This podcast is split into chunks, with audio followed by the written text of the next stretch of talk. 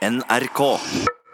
Vi nordmenn elsker å reise. Vi setter oss på flyet ved første og beste anledning for å komme vekk fra drittværet her hjemme til varmen.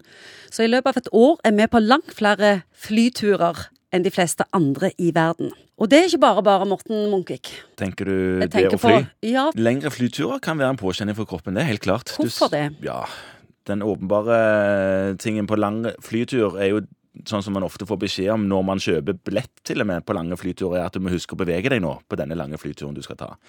Og det er fordi hvis du sitter lenge der i flysetet og mm, ikke bruker beinene, så vil blod som pumpes rundt i kroppen av hjertet, samles ned i beinene og ikke komme seg opp igjen.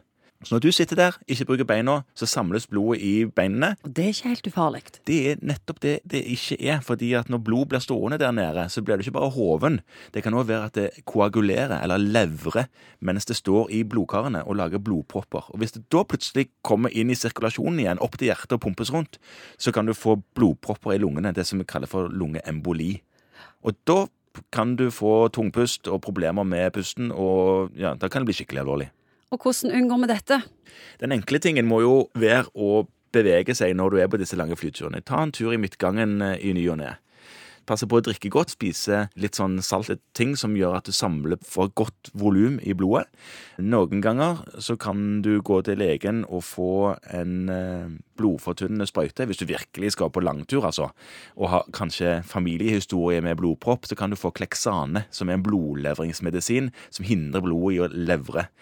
Den setter du i mageflesket, og så har du mye mindre risiko for at blodet levrer seg i karet. De fleste bruker vel bare sokker. Og så de fleste de, nå, et Klassisk eksempel på at jeg har hoppet over det helt vanligste. um, som jeg gjør noen ganger. Nei, ja, sant, de fleste bruker kompresjonssokker. For Det er jo med på å jukse til, sånn at blodet strømmer raskere tilbake igjen, og hjelper til med denne venne muskelpumpen som vi snakket om. Og så skjer det òg ting i eh, dette bihulesystemet. Ja, for de som er litt nøvne i det systemet, så vil trykkendringene i kabinen kanskje påføre problemer med at eh, trykket ut på utsiden blir lavere enn det som er på innsiden, og det skaper trykkforskjeller som kan gi smerter. Det skjer jo veldig ofte dersom en er forkjøla og ikke får utligna f.eks. trykk i ørene. Da vil en føle veldig vondt i ørene og må kanskje ta og holde for nesen og blåse for å få luft ut i mellomørene for å ikke slippe å ha så vondt. Samme med bihulene. Bortsett fra at det er vanskeligere å blåse de rene, da.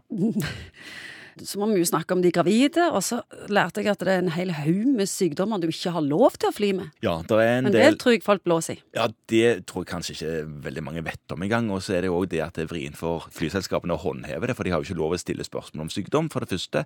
For det andre så er det en del av disse sykdommene du nå snakker om, det synes ikke på folk.